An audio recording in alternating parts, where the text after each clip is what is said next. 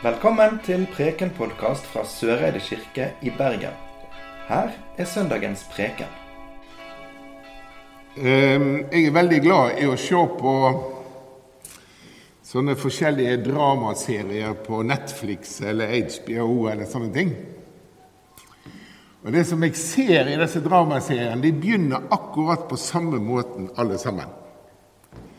De begynner med at det er en konge som holder på å dø. Og så er det noen arvinger som begynner å krige om hvem som skal ha makta etter denne kongen. Og Dette er en gammel fortelling. Vi finner òg denne fortellinga i Bibelen. Nå skal jeg ikke lese hele den for dere nå, men jeg skal fortelle litt. For ca. 800 år før Jesus ble født, så levde det en konge som heter Salomo. Han var umåtelig rik og veldig klok og veldig vis. Eh, og han bygde opp et svært rike som var kjempemektig. Og så dør han, og så begynner sønnene å krangle om hvem som skal være etterfølger. Og resultatet av den striden var at det store, flotte landet det ble delt i to. I en sørlig del og i en nordlig del.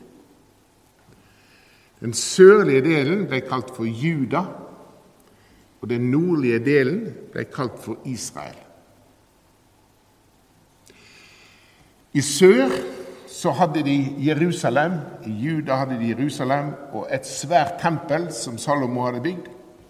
Så der samla de seg mange ganger i året til store festivaler og fester og høgtider. Mens i nord så hadde de ingenting. Så der bestemte de seg for at det må vi gjøre noe med. Så ved siden av et fjell som heter Garisim, så bygde de en kultplass. Og nå holder de på for tida å grave ut noe av den kultplassen der på en plass som heter Sikhem. Og litt i utkanten av Sikhem der ligger det en brønn, en liten landsby som heter Sykar, og en liten brønn.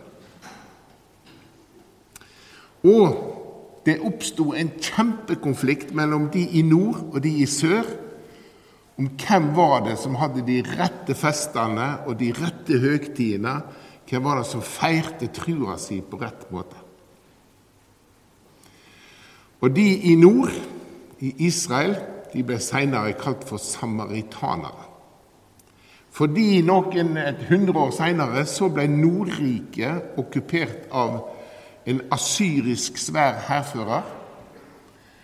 Og de som levde i Nordriket, de valgte en samarbeidslinje med okkupasjonsmakten. Der de eh, gifta seg med de som kom, og implementerte deler av deres tru og religion i sin egen religiøse praksis. Og i sør, i Juda, så var de hakkande galne på disse i nord som hadde svikta liksom, de som hadde det ene rette. Så når vi da går noen hundre år framover til Jesu tid, så er det kjempestore spenninger mellom samaritanerne på ei side, som, er, som jødene regna som en pariakaste, de var utblanda, de hadde ikke rett tru, de levde ikke riktig, de gjorde ikke ting riktig. Og de i sør, i Juda, som var, det er de som er de egentlige rette folkene. Og så utenfor Sikhem, er den lille byen som heter Sykar, og utenfor Sykar er det en liten brønn, eller en stor brønn, som var veldig berømt.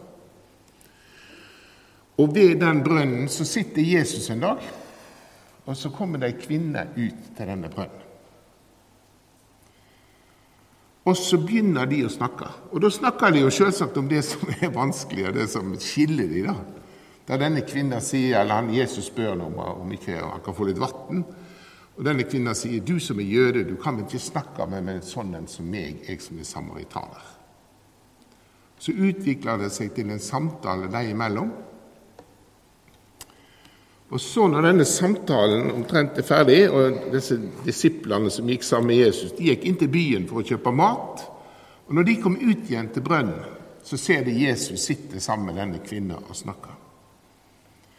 Akkurat når de læresveinene kommer ut igjen til brønnen, Der er det vi skal lese evangelieteksten denne søndagen, som står i Johannesevangeliet i det fjerde kapitlet. Og da reiser vi oss.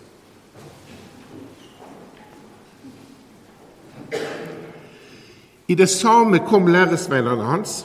De undra seg over at han snakka med ei kvinne, men ingen av dem spurte hva han ville og hvorfor han snakka med henne. Da let kvinna vasskrukka stå og gikk inn i byen og sa til folket:" Kom, så skal du få se en mann som har sagt meg alt det jeg har gjort. Kan han være Messias? Da gikk de andre ut av byen og kom til ham. Mange av samaritanerne for den byen tok til å tro på Jesus på grunn av det kvinna sa da hun vitna. Han har sagt meg alt det jeg har gjort. Og da samaritanerne kom ut til han, ba de han være hos seg, og han ble værende der to dager. Og mange flere tok til å tru, fordi de fikk høre hans eget ord, og de sa til kvinna:" Nå tror vi ikke lenger på grunn av det du sa, for vi har hørt han sjølve, og vi veit at han virkelig er den som skal frelse verden. Da de to dagene var gått, dro Jesus ut derifra og for til Galilea. Slik lyder det hellige evangeliet.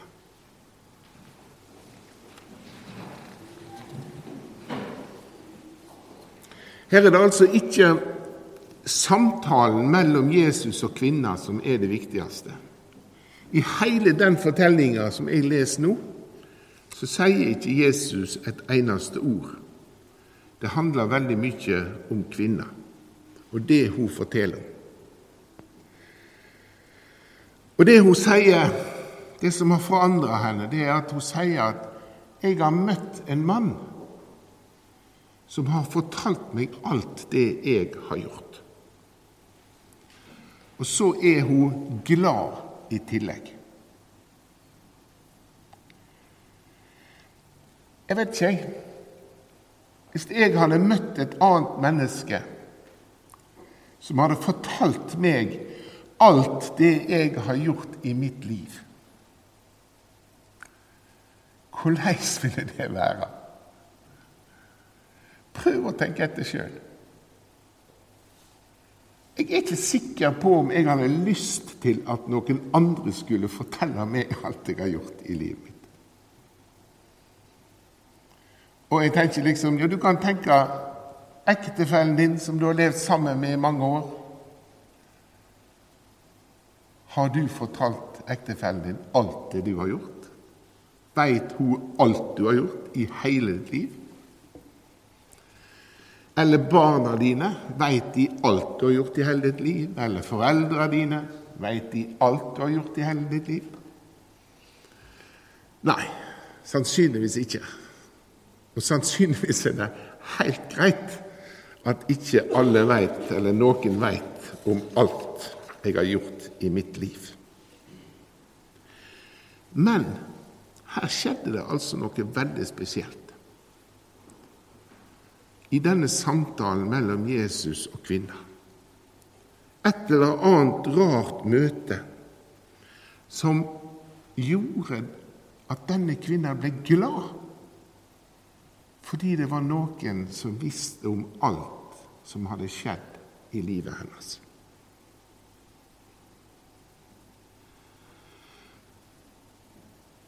Og jeg vet ikke, men av og til når jeg møter andre mennesker. Dette varierer jo veldig. Men noen ganger når jeg møter et annet menneske, så er det akkurat som det klikker. Akkurat som jeg får kontakt, får connection. Jeg kjenner at det andre mennesket det er jeg liksom på bølgelengde med. Og hvorfor skjer det? Hva slags type møter er det? Og Da tenker jeg å hente fram den fortellinga som vi leste på teksten her og hørte på finsk, om israelittene som vandra inn i et nytt landskap. De var på vei og skulle gå inn i det lova landet. Så tenker jeg ofte at når jeg møter andre mennesker, når jeg får disse gode møtene,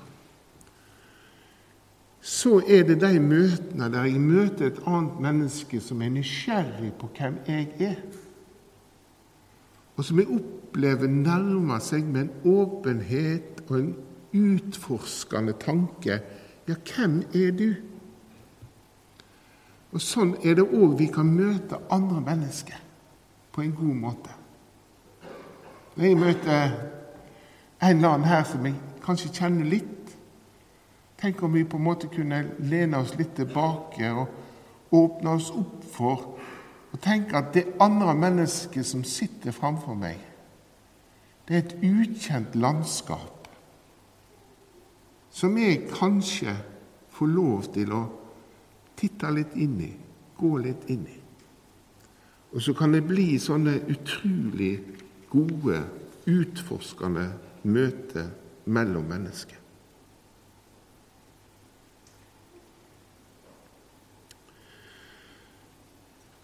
I vår tid så tror jeg at slike møter mellom mennesker er ganske sjelden. Og grunnen til at jeg ikke vil fortelle andre om alt som har skjedd i mitt liv, det er jo det at jeg har noe jeg bærer på, som jeg er ganske skamfull for. Det er noe jeg har gjort, det er noe jeg har sagt, som jeg skjemmes over, som jeg ikke vil at andre skal oppdage. Og vi lever nå i ei tid der vi på en helt ubegripelig måte i stedet for å være ærlige med hverandre, så regisserer vi vårt eget bilde som andre skal se. Det enkleste eksempelet er jo sosiale medier. Hvis jeg poster noe på sosiale medier, så er det fordi at da har jeg en god dag, da er det fint vær, da har jeg vært på en fjelltopp, eller på en sykkeltur, eller på en dykketur, eller whatever. Da kan alle se hvor fantastisk sprek og flott jeg er.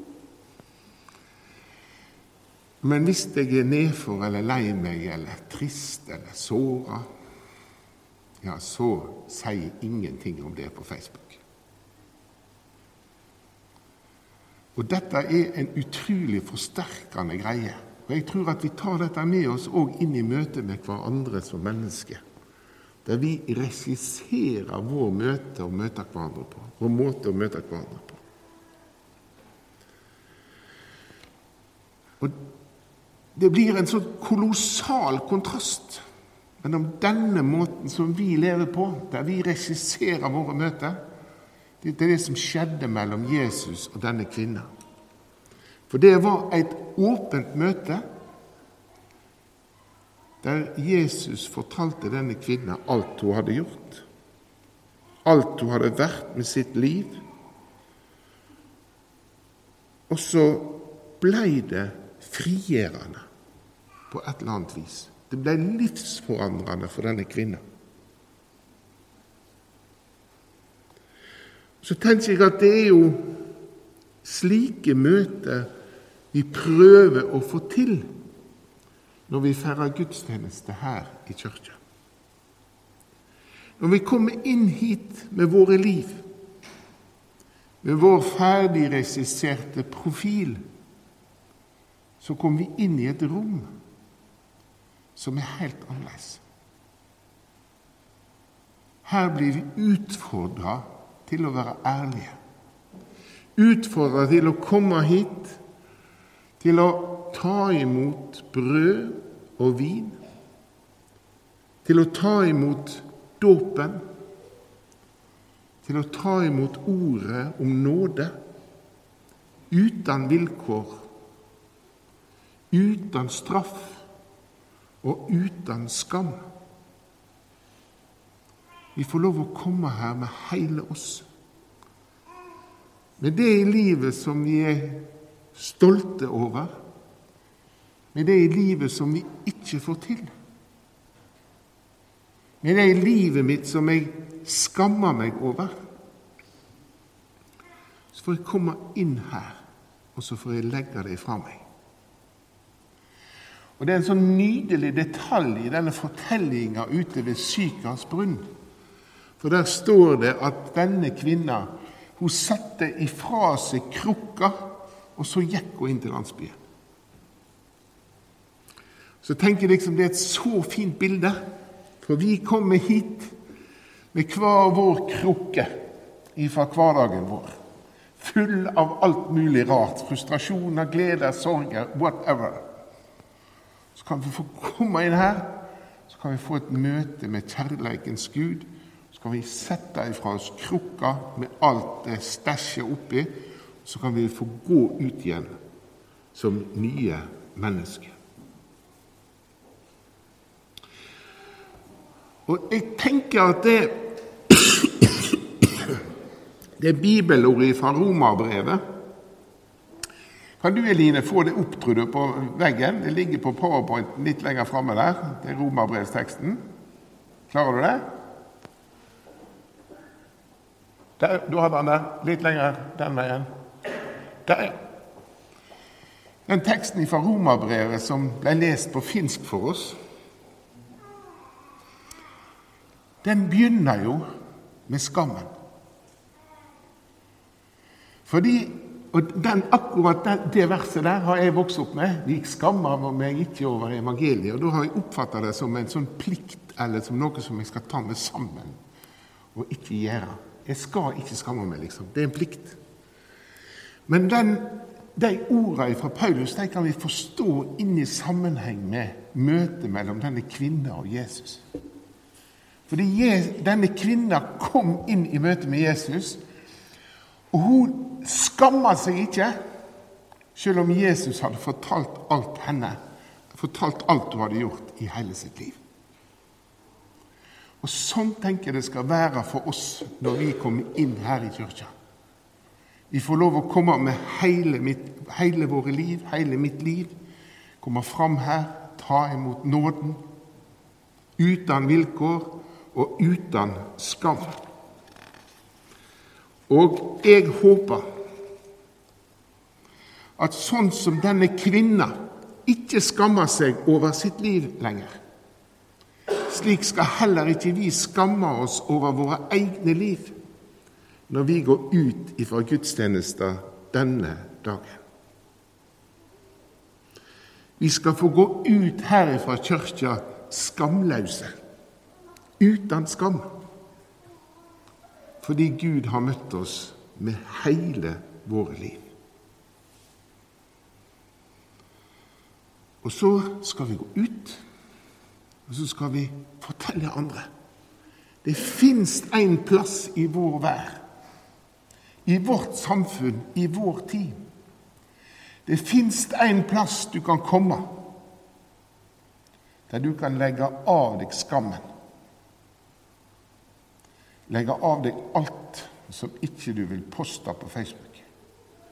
Og så la det ligge der, og så gå ut igjen og leve livet. Og den plassen, den er her når vi feirer fellesskapet med brød og vin sammen.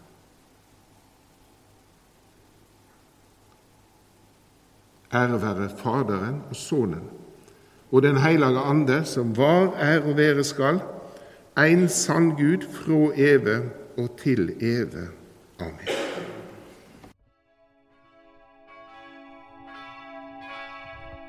Du har nå hørt Preken-podkast fra Søreide kirke i Bergen.